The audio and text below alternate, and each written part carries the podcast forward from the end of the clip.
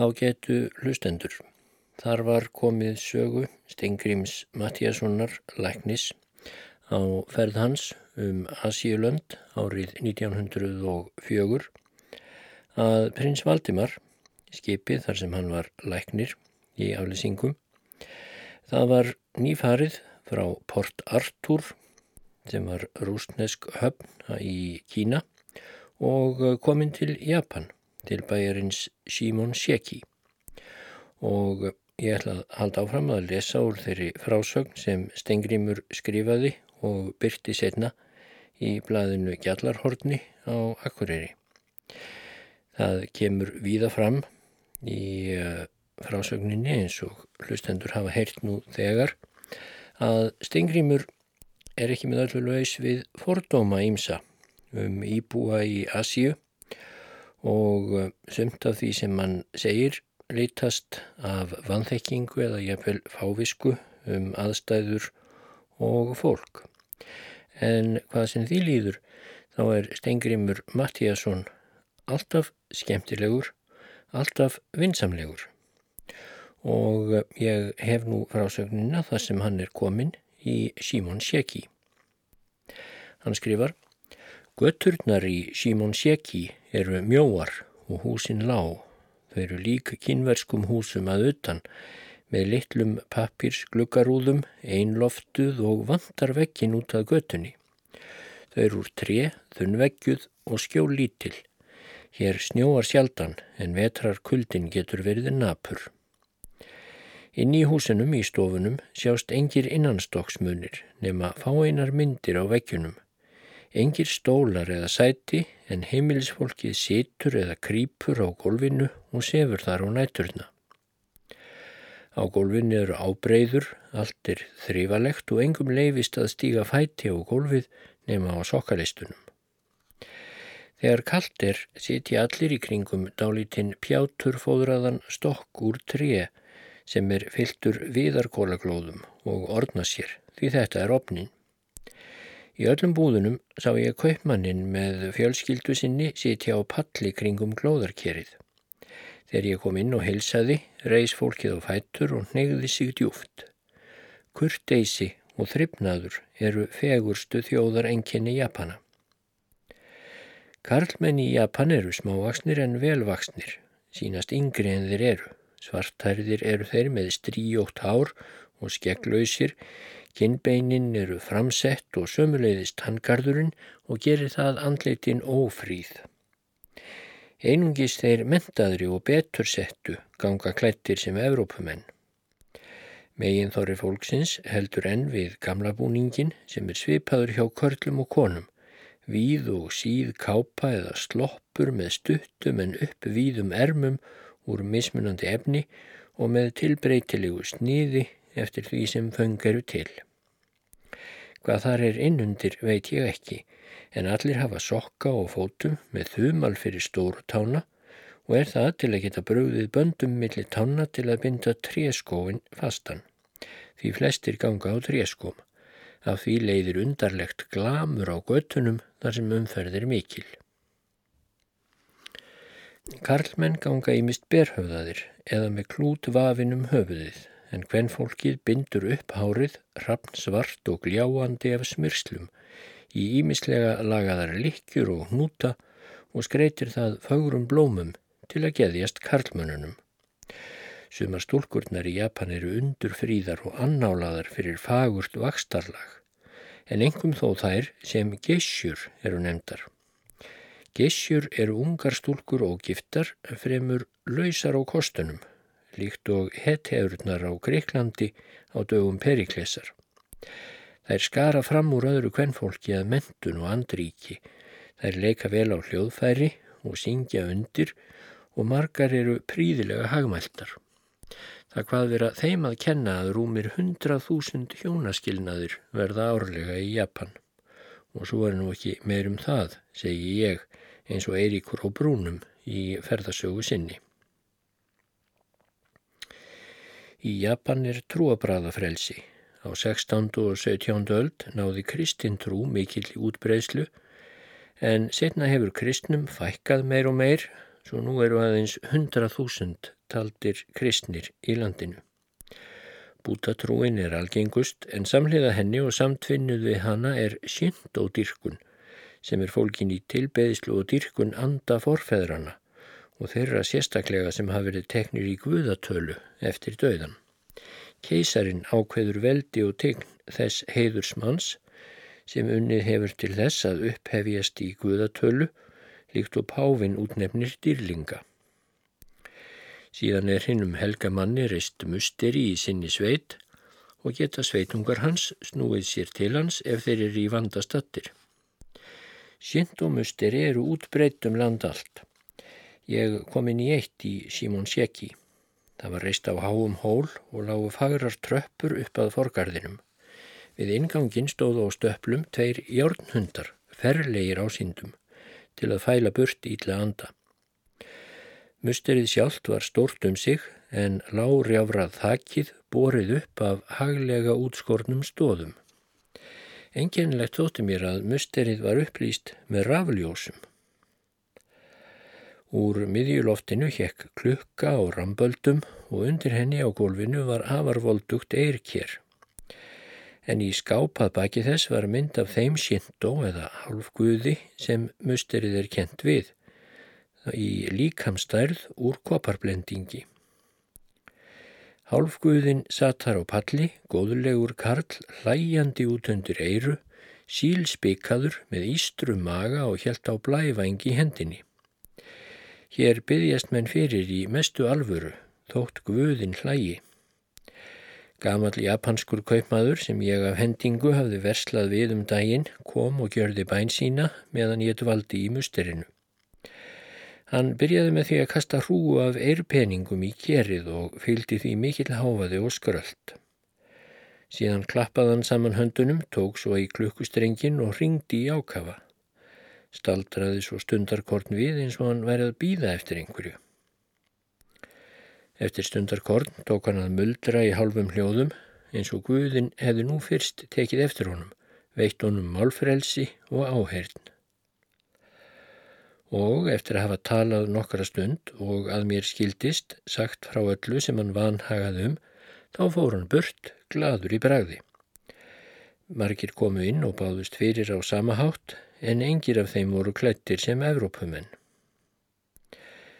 Af þeirri kynningu sem ég nú hefi fengið af báðum þjóðunum, kynverjum og japunum, verði ég að segja að mér líst betur á kynverjan. Þegar ég skoða andlit begja þjóðana eins og þau hafa merkt sig í huga mér, þá sé ég kynverjan, skáegðan og pýregðan með grásprengtu skeggi og langri fléttu, alvarlegan og spekingslegan á svipin, en japanska andlitið sé ég fyrir mér tilkomu lítið og ungæðislegt, ekki gáfulegt, heldur fremur grunnhyggið og fljótfærnislegt. Munurinn er jafn mikill og ég hugsa mér af andlitum Njáls og til dæmis Gunnars Lambassonar. Og ég get vel vorkent kymverjum sem þrátt fyrir allan sinn mannabla en þeir eru taldir vera um 400 miljónir urðu samt að lúta í lægra haldi fyrir Japanum sem eru aðeins 40 miljónir í stríði sem þjóðurnar háðu 1894 til 5. Það var heldur ekki viti eða hreisti Japana að þakka að þeir sigruðu í þessu stríði, heldur því viti og vopnum sem þeir höfðu þegið af öðrum þjóðum, en sem kynverjar hafa hingað til talið sig of stolta til að þykja. En það mega Japanir eiga að þeir hafa verið framúrskarandi duglegir að tilenga sér framfarir og mentun 19. aldarinnar og hafa nú á einum mannsaldri komist í tölu stórveldana svo þeir þóra nú jafnvel að bjóða rússum byrgin.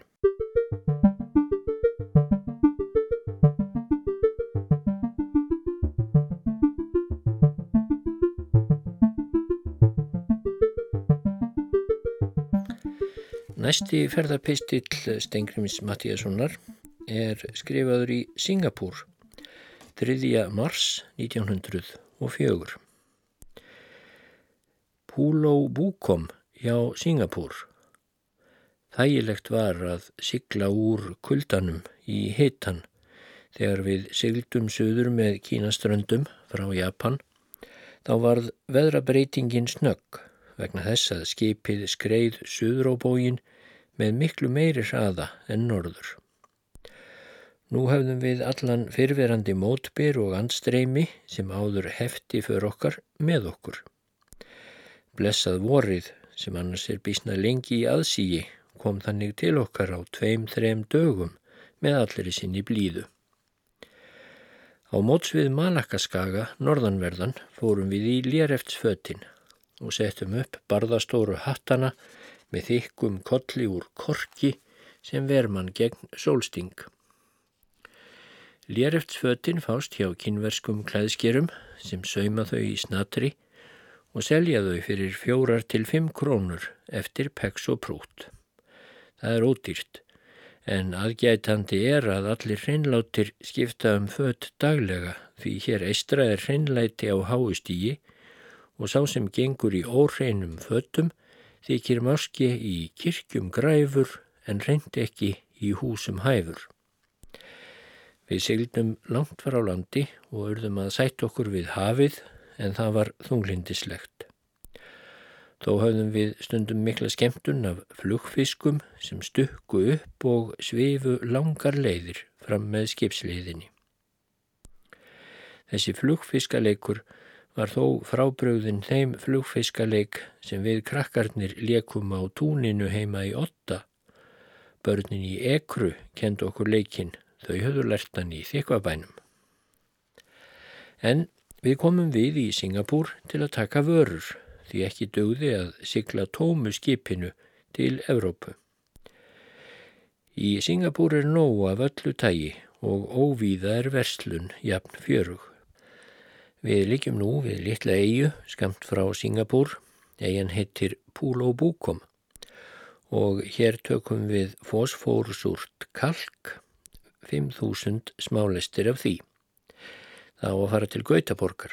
Svíjar brúkaða til áburðar og vinna úr því fósfór. Úr fósfórinu búa þeir til eldspítur, utan svo vel og fósfór. Þetta fósfórsúra kalk er ágætur ábyrður.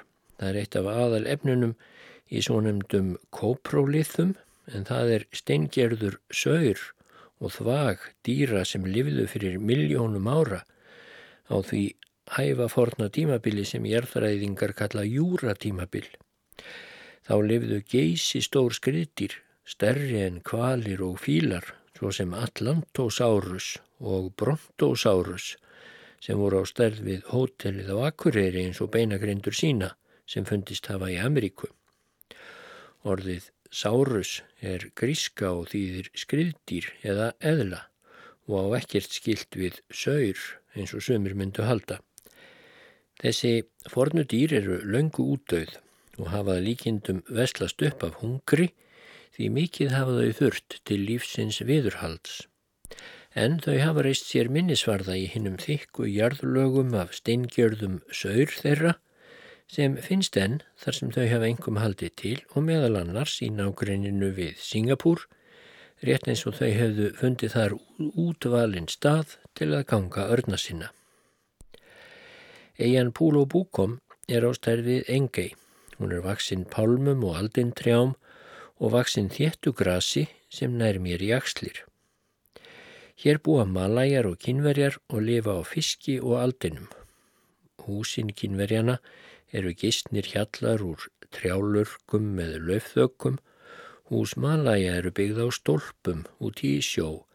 Þar er láttiloft svo yngir glukkar en það húsin aðeins notuð meðan sofið er og matast. Í sumum þeirra sést engin nagli rekin, allt er bundið saman með tágum. Malajarnir stunda fiskveðar og nenna engu, þeir eru annálaðir letingjar. Bátar þeirra eru örmjóar kænur, eintrjáningar og verða fiskimenn að liggja eða sitja grafkirrir svo ekki kvolvi bátnum. Máski eru þeir við það orðnir svo latir. Þeir róa með einni ár en láta vanalega bátinn berast með ströymi og vindum. Gaman er að ganga um eiguna og skoða náttúrunar dýrið, því hér er gott sínishorn af hinnu frjósama dýra og jurtalífi heitulandana. Kringum húsmalajana eru kokospálmar. Fyrir fimm öyra klifra malajadrengir upp í trén og sækja hnettur sem kosta ekkert og myndi það á myndi í alþýðubók síra Þórarins sem ég dáðist að sem barn.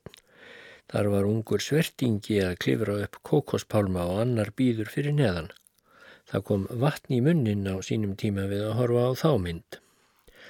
Kokosneturnar eru alltaf því á stærði mannshöfuð, er stærstu, hólar innan og fullar af mjölkurlitum vökva, svalandi ljúfengum á bræðið. Fólkið gengur í stuttbuksum eða með klút vafinum lendarnar. Börnin eru nakin, sum lagleg, svipuð sínkalabörnum á seilun. Stúlkurnar eru bráþroska. Ég gengum eina, skoða dýru og fuggla og leitað skeljum og kuvungum og kóröllum og hefur með mér hund skipstjóran sem heitir Chitt en af dönum kallast Skitt. Svo ráfa ég um skógin og fjörurnar eins og Robinson. Ég kefti af Malajastrák að fylgja mér eins og frjádagur um eiguna, en hann strauk. Það var letið að kenna. Síðan fer ég einsamall með Chitt. Hann snöðrar upp krabba og skriðdýr og uh, geltir, meðan sólinn skín fela sig slöngur og eitur kvikindi en var á kreik þegar kveldar. Þá er varasamt að ganga í grassinu meðan bjart er suðar skórun af flugum og fyririldum sem flögra millir blómana til að sjúa hunang og breyða út frjóduft. Fyririldin eru stór og indislega á litin. Upp í trjánum fljúa pávagaukar og kanarifuglar og aðri söngvarar og fylla loftið fögurum söng. En í gær sá ég örn taka róttu í fjörni og flaugan með hann í klónum í áttina til Sumatra. Rottan dinglaði rófunni um leið og hún varð upp numinn. Nú er hún í helvítis kvölum eins og ríkimadurinn og er hún úr sögunni. Hér eru annars feikn af rottum. Þær hafa komið sem emigrantar með skipum frá Evrópu og fundið hér reyna Ameríku ef svo má segja. En slöngur, skriðdýr og fugglar amast við þeim og þykir sendingin íll því þær lifa hér mestmægnis á eggjum og ungum annara dýra. Rottan sem Sumatra örnin tók var því fáum harmdauði. Þótt hér séu margar fagrar júrtir þá hefur þó engin vakið eftirtekt mína á við plöntu þá sem grasafræðingar kalla Mimosa pudica. Hún er eigi ósvipuða stærð og lögun, flækju eða umfeðmingsgrasi en hefur næma tilfinningu eins og dýr Því óðara en jörtin er snert með fingri, þá neyir hún stopnin niður að jörðu, leggur saman blöðin og lítur út eins og bladlaus röfótt grein. Mímósan er hér á víð og dreif innan um grasið. Sé hún slitin upp, engir hún blöðin saman af sársauka og deyr í þeim stellingum. Sama skeður í kulda eða miklum hitta. Í fjörunni er fullt af kröppum, skjelfiskum og kúfungum. Krabbarnir eru sumir skrítnir og gangi út á hlið. Engum eru mikið af innbúa kröppum, þeir búa í stórum aflagskvöðungum og fá sér stærri og stærri kvöðunga til íbúðar eftir því sem þeir vaksa. Í kvöðungunum geima þeir skrokkin og rófuna sem er viðkvæm og húðlítil en hafa hausin og klærnar úti til að klóra sig áfram með sína stólnu skjel. Óðara en þeir heyra mannamál eða hundgá, þá kipra þeir sig saman inn í kuðungin og láta sem þeir sé ekki til. Hér má sjá marga fagra kuðunga og skelljar sem eru listasmíð. Sumar báruskelljarnar eru á stærð við meðal gröytarpotta og væru velfallnar til að vera skýrnarfondar. Ég ræstundum í skipsbátnum kringum eiguna og skoða kóraldýrin á sjávarbotninum þar sem sést til botns. Það er fögur sjón eins og sapna af allavega litum blómum sem breyða út blöð og anga. En við minnstu reyfingu með árinni eða busli í vatninu draga dýrin sig á augabragði inn í kalkhilkin, fegurðin hverfur og skilur eftir auðan klettabotn eins og hefði töfrastafur snert vatnið. Ég hef unnað mér vel þessa daga hér á eiginni við að aðtuga náttúrunnar markbreytni og dýrð. En ítla er mér við hákarlana og mýbittið. Hér er varasamt að synda. Hákarlar vaða uppi og vísir að klippa fætur á þeim sem vil synda spölkorn frá skipinu. Á kvöldin og nóttunni kemur svo mývargurinn og sígur blóð og eru það óþokka gestir sem við reynum að loka úti með smá möskuðum netjum yfir rúmunum. Reyndar er ekki eins mikið mýið hér og við mývatn en flugurnar stinga sárar og geta orsakað hitaveiki þá sem kalluður malaria og er jafn algengur sjúkdómur í heitulöndunum og mislingar eru í Evrópu. Hittin er daglega um 37 gráður á Celsius um hádegið en á mornanna og kvöldin er notalegt við og við koma þrumuskúrir og stormar en sjálfgeft er að þeir vinni tjón. Heita má að veðráttan sé jafn þægileg sumar og vetur, svo fólkið þekkir ekki til misseraskipta. Evrópumenn sem hafa verið hér nokkur tíma láta vel yfir lífinu og aftaka að fara hérðan nema brína nöðsinn krefi. Tveimur dögum eftir að hafa skrifað þennan pistil til Íslendinga þá var Stengrimur komin til Singapúr og skrifar þaðan. Strax við lendinguna í Singapúr við Johnstons bryggju sem er tíu sinnum stærri en hafnarbryggjan á Akureyri þá verður maður var við þá fjóra ólíku kinnflokka sem auk kvítra manna búa hér í sveit. Kinnverja sem eru langflestir, Malaja, Hindúa eður Síka og Klinga sem eru skildir synghölum á Ceylon og líkir þeim að útleiti.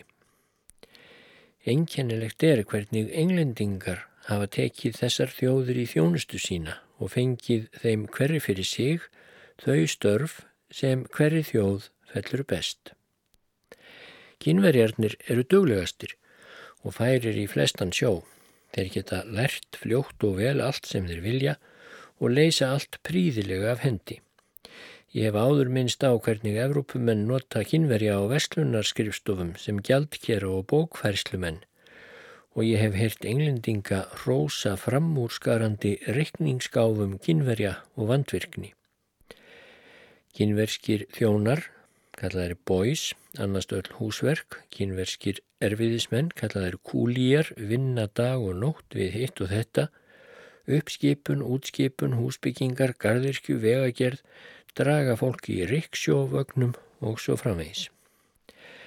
Flestar verslanir í Singapúr eru í eigu kynverja og eru margar á við stærstu verslanir stórborgarna í Evrópu og eigandurnir velli ríkir. Þeir aka í skrautlegum vögnum með fjölskyldu sína í frístundum sínum og semja sig að sumuleiti að síðum Evrópumanna en ætið sést langa hárfléttan lafa undan barðinu á lína flókahattinum sem flestir ber á höfðinu. Það líða eflaust margar aldir áður en kynverjar setju pípuhatt. Malajarnir eru eins og ég sagði í fyrra písli latir og nenna litlu nema helst að liggja í bátnum við fiskveiðar. Annars eru malajarhafðir til að stýra guðubátum sem fara um höfnina eða standa frammi í bátnum og taka á móti þegar lagt er að. Sá sem stýrir tekur sér lífið náðugt, situr vanalega eða liggur reykjandi og reyfir stýrið með öðrum fætti. Til að stjórna guðuvél og moka kólum verður vanalega að fá kynverja sem kunna allt sem þar að lítur upp á sína tíu fingur. Maður spyr hvar lærir kynverjin öll þessi verk og þá er svarið þeir kenna hver öðrum, horfa á hvern hjá öðrum og spyrja spjörunum úr um hvaðina. Þeir eru næmir og minnugir. Englendingar hafa svo flutt fjölda af hindúum eða sikkum frá Índlandi í allar nýlendur sínar í Asi og Víðar og nota þá sem lögreglu þjóna og húsverði. Þeir eru margir í Singapúr. Ekki veitir af sterkri lögreglu þar sem jafn mörgu ólíku fólki ægir saman. Þeir eru klættir sem Evrópumenn í gul einkennisfödd en hafa langan lérefts trefil eða turban vafinum höfuðið sem vefjarhött. Þeir standa á gatnamótum og strætum og gæta friðarins með þólinnmæði og árvekni og eru annálaðir fyrir trúmennsku.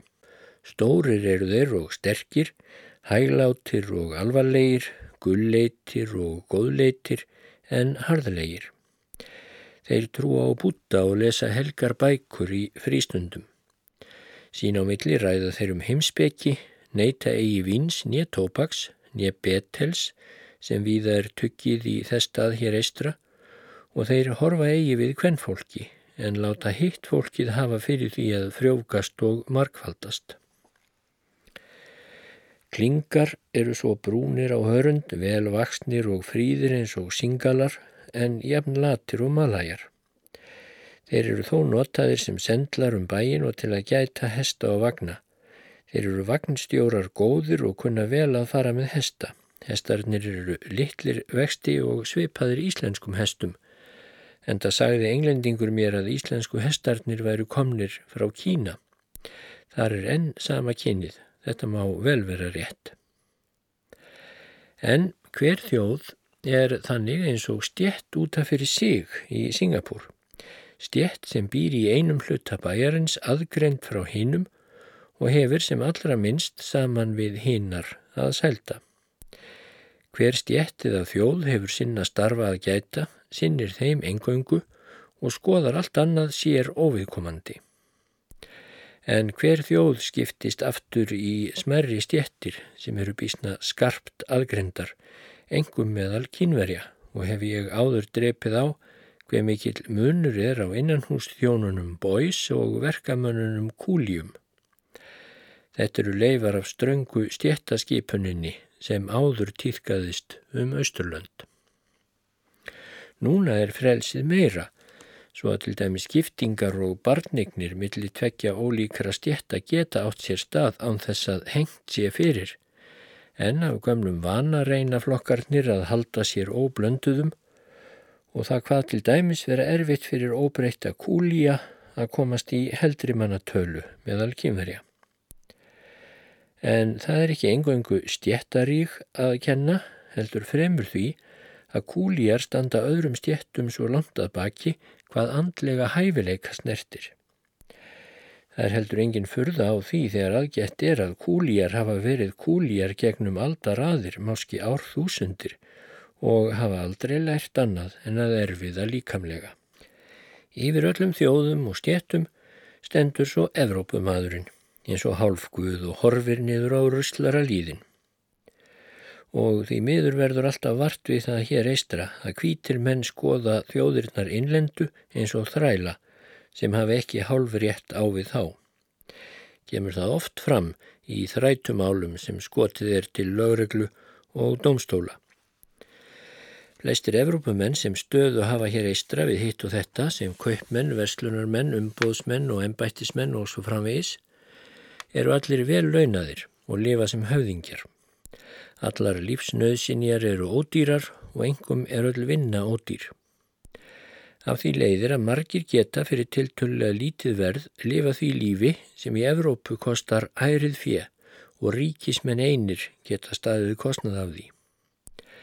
Hvert sem farið er akamenn í vagnni, enda sólarhitin of megn til að ganga langa leið, og eiga því flestir vagn eða leia sér kynverja með riksjókerru. Allar máltíðir eru margréttaður og tilreittar af kynversku matreðslumönnum af mikilli kunnáttu. Meðan borðaðir reyfa kynverskir þjónar klæðisblæjur sem hanga á ramböldum niður úr loftinu yfir höfðum manna fram og aftur og framleiða með því þægilegan gust sem kælir í mollu hittanum. Á kvöldin eru skemmtisamkomur í alls konar félögum, svo eru leikhús og sönghús og fleira rétt eins og í stórbæjum í Evrópu. Snemma á mornana eða á kvöldin þegar hitin er minnstur þá er farið út um skóa og sveitir að skjóta dýr og fuggla en flestir sneiða hjá þeim stöðum þar sem tígristýra er von. Heitulöndunum fylgir sá agnúi að flestir sem dvelja þar nokkur tíma komast ekki hjá því að síkjast af skæðum hitasjúkdómum sem annarkvort leiða til dauða eða langvarandi vanhilsu. Meðal þeirra algengustum á nefna malaríu, kóleru, blóðkreppusótt og svartadauða eða pestina. Singapúr má að vísu heita laus við þessa sjúkdóma sem eru sannir voða gestir þar sem þeir líka í landi eins og til dæmis í Hong Kong og í bæjum á Einlandi.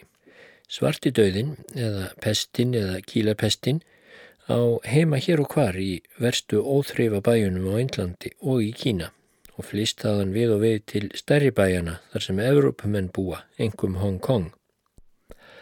Veikin er ákaflega skæð meðal innfætra og drepur vanalega 60-90% af þeim sem síkjast. En Evrópumenn síkjast aðeins ör sjaldan og er það mest þryfnaði og þekkingu þeirra á útbreyðslu veikinnar að þakka. Þegar ég heimsótti sjúkrahúsið í Hong Kong á hinni leiðinni þá var þar engan pestarsjúkling að sjá. Læknar hafa strangt eftirlit með veikinni og aðgæta öll skip sem koma til að einangra alla sem grunur er um að síki frá sér. Þeir eru settir á sérstök pestarhús. Veikin byrjar snöglega með ákvöfum hitta en síðan bólna eitlar í nárum og undir höndum og verðað stórum graftar ígerðum en stundum fer bakterían í lungun og kemur þá ákvöfu bólka og rótnun í lungun er eitrar allan líkamann. Það er skæðasta tegund pestarinnar. Sjúklingarnir degi á öðrum eða þriðja degi þegar veikin er af versta tægi.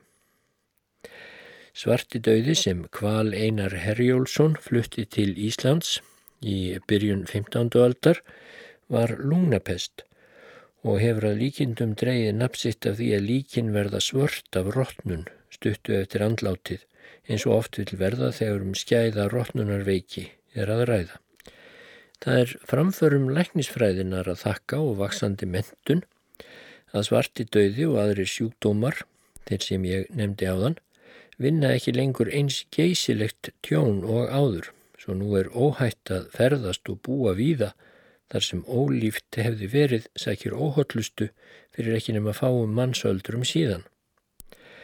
Það er trú mín að smám saman muni takast að gera heitulöndin jafn hilnæm og köldulöndin í Evrópu en þá mun fólk streymaða norðansuður í hýruna og nema land. Nó er landið og jörðin góð og greiðug og gefur hundraðfaldan ávöxt.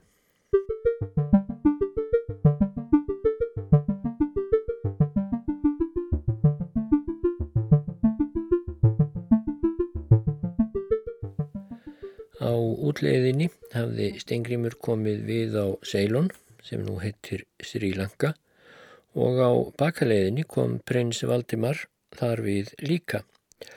Og Stengrimur skrifar löndum sínum heima á Íslandi eftir farandi pistil. Paradís. Engir náttúrufróður menn trúa framar bókstaflega á söguna um sköpun mannsins í biblíunni en allar líkur benda til að mannkynnið hafi verið ár þúsunda óra tíma að skapast. Því lengra sem tekist hefur að gæjast aftur í tíman á þess lagra menningarstígi sést að er þjóðir hafa verið sem þá hafa eftirlátið menjar um sig. Menn halda því fram að forfeður vorir hafi staðið nær dýrunum en jafnvel þeim þjóðum sem nú á tímum standa legst allra, en forfeður þeirra hafi aftur verið dýr. Þau dýr sem nú standa mönnunum næst eru apar og þótti því eigi ólíklegt að fyrstu manneskjurnar hafi verið líkar öpum og að langfæðgatali af sömu rót runnar. Fyrir nokkru hafa fundist beinagrindur af mönnum sem benda á að svo sé, því að höfuðulegi og beinabyggingu virðast þessir frumherjar hafa verið harla líkir öpum.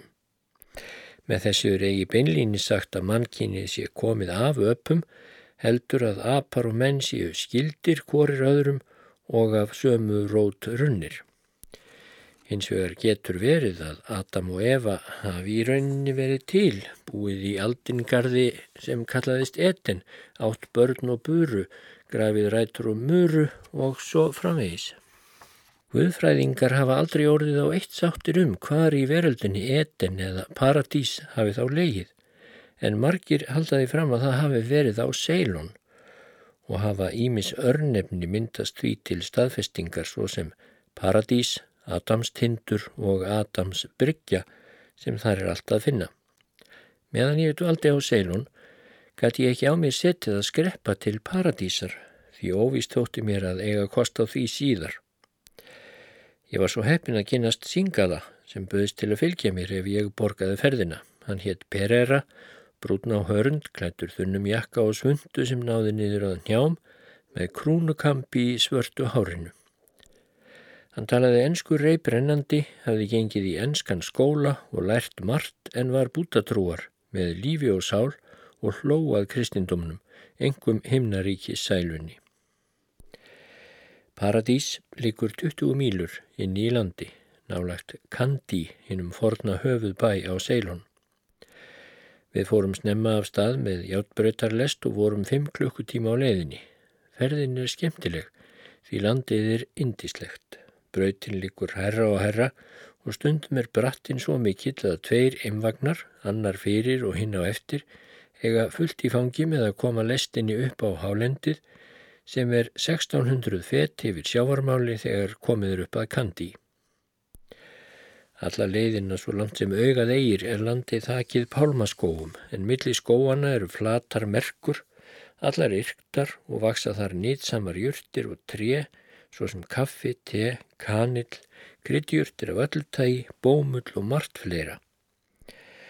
En stundum líkur brautin yfir mýrar og votlendi. Allt er ræktað og í votlendinu vaksa hrískrjón. Bændur voru að plæja, sumir að sá og sumir að lúa ílgressi. Hrískrjónin vaksa eiginema í mjög votri jörð sem með plæjingu er rótað upp svo öll morkin verður eins og forar leðja. Þarna óðu bændurnir öyrin upp að njám og bógruðu við vinnuna íklættir mitt í skílum úr lérefti. Sumstaðar við brautina voru tjarnir og lækir. Þar sáust hópar af fólki verið að lauga sig og þó lín, en innanum fólkið óðu kýr og nöyt veldu sér í vatninu eða syndu og lögðu stíðan upp á bakkana til að baka sig í sólskininu. En litlir blásvartir krummar sem allstaðar mætamanni á seilun hoppuðu í kring eða sátu upp á hornum nöytana gerðu sig heimakomna og krunguðu með sínum seilonsku nefjum allt öðru krungi en íslenskir frændur þeirra. Ég lág gætnan í vagnglugganum og dáðist að náttúrfegurðinni og frjóseminni því allur jyrtagróðurinn í seilon var í sumar skarti. Allstaðar var líf og indi, glaumur og gleði, fugglasöngur og mannamál og hálfnakið fólk, gamalt og ungt við vinnu og að leikum engum fjöldi barna sem leku sér undir trjánum og kringum húsin. Húsin voru fremur óásjáleg, tóftir úr stein og snittuhleðslum reftar með löfþökum. En þegar lestinn namn staðar við og við á jötbröytarstöðum komu unglingar með körfur fullar af ávöxtum og mátti þar fyrir fimm öyra geta sér aldurtrega af alls konar ávöxtum, appelsínum, banunum, kókosnetum og fleiru. Til að svala þorstanum drukum við kókosmjölk eftir tveggja til þryggja mínútna dvöl og svo lestin aftur af stað.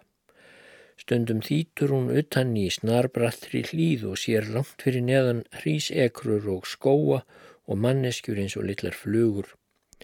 Svo likur brautin gegnum göng, grafin gegnum kletta og hálsa, stundum um dali og gíl yfir rambegðar brýr, yfir gljúfur og læki og stundum í hálfring upp í háum hlýðum hnjúka og tinda.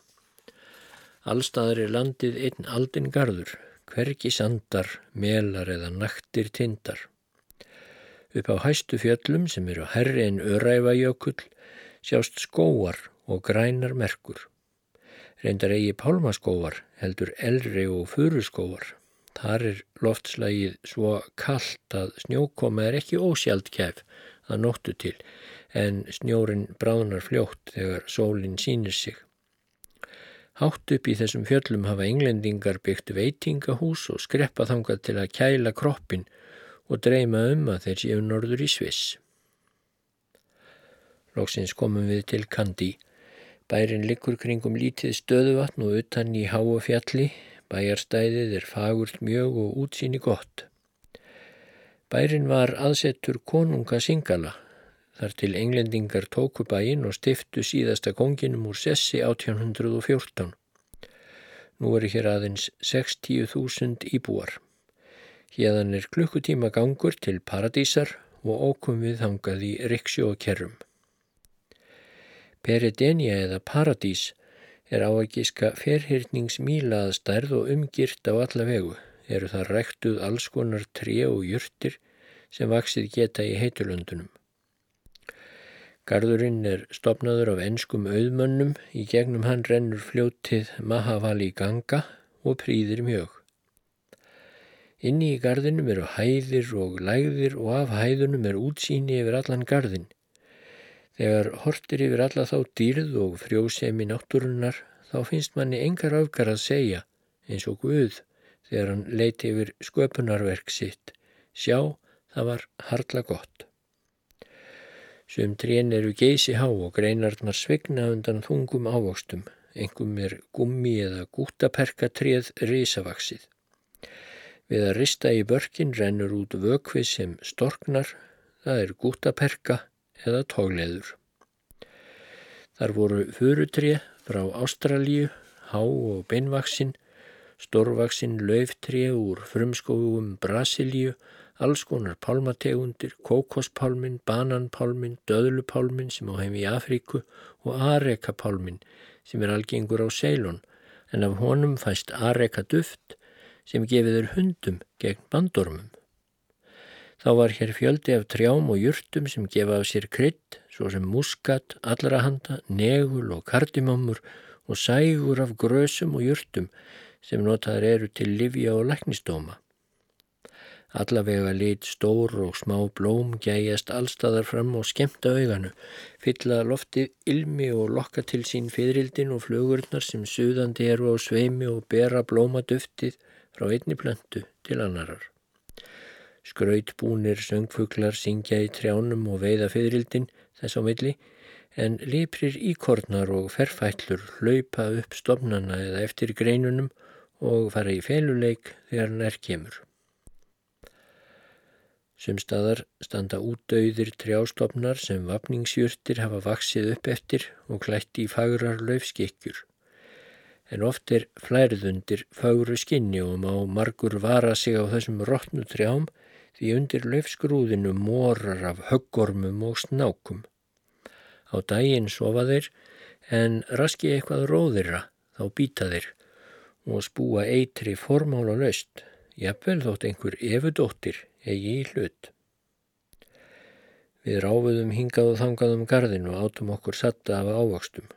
Þó hefðum við enn getað torkað ávextinum af lífsinstrija en það fundum við því miður ekki og fórum aftur til Kandi. Að fegurð þótti mér þessi gardur reyndar ekki skara neitt fram úr samskonargarði sem ég sá í Singapúr en þessi er stærri og fjölskrúðugri og þess vegna meira sóttur af grasafræðingum. Ég hefði verið lengur í paradís ef ég hefði haft tíma en ekki vildi ég verða strandaglópur því skipið var að fara.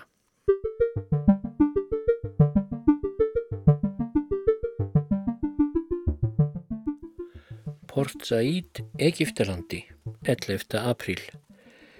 Við stöndum aðeins stuttastund við í Port Said á heimleiðinni til að taka kólhanda eðislufrekku einvélin okkar. Ekki var ég eins hrifin af Port Said í þetta skipti og leiðinu austur og hef ég litlu að bæta við það sem ég hef áður skrifað. Arabar, Tyrkir og Gýringar sem komum um borð til að selja vörur fór nú eigi fram á því líkt ránverð og austurleiðinni því þeir vita að maður verður fljótt reyndur í veslunarviðskiptum þar eistra. En á göttunum er sami háfaðinn orgið og bettlið og áður frá morgni til kvölds og frá kveldi til morguns. Það er eins og sá óþjóða líður aldrei sofi. Skipin koma jæmt dag og nótt en af þeim og þeirra farþegum lifir hópurinn. Í þetta skipti tók ég meira eftir fátæktinni og vesaldóminum innan um miljóna eigendur frá Evrópu og arabíska auðkífinga sem klæðast gulli og purpura.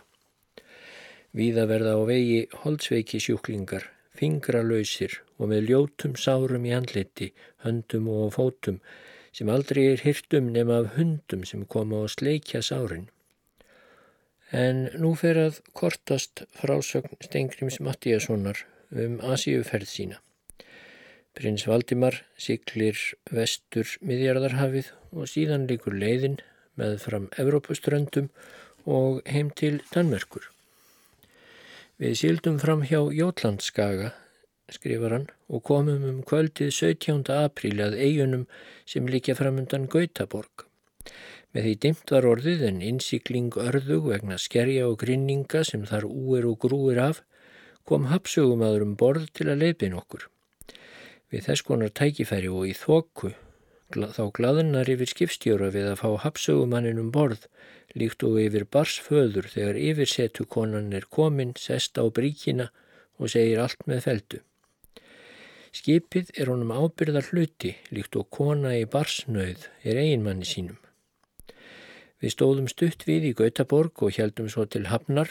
Þar lögðumst við að Hafnarbakkanum í fríhöfninni morgunin 3. mæ 1904 eftir rúmra 6 mánada brottveru. Þegar Danir sáu ætland sitt glaðnaði yfir þeim en mér stóð alveg á sama. Það er ekki Esjan bláa ekki snæfels tindur hár, segir gestur Pálsson í einu kvæði sínu og eitthvað því líkt datt mér í hug þegar ég kom aftur til Danmerkur.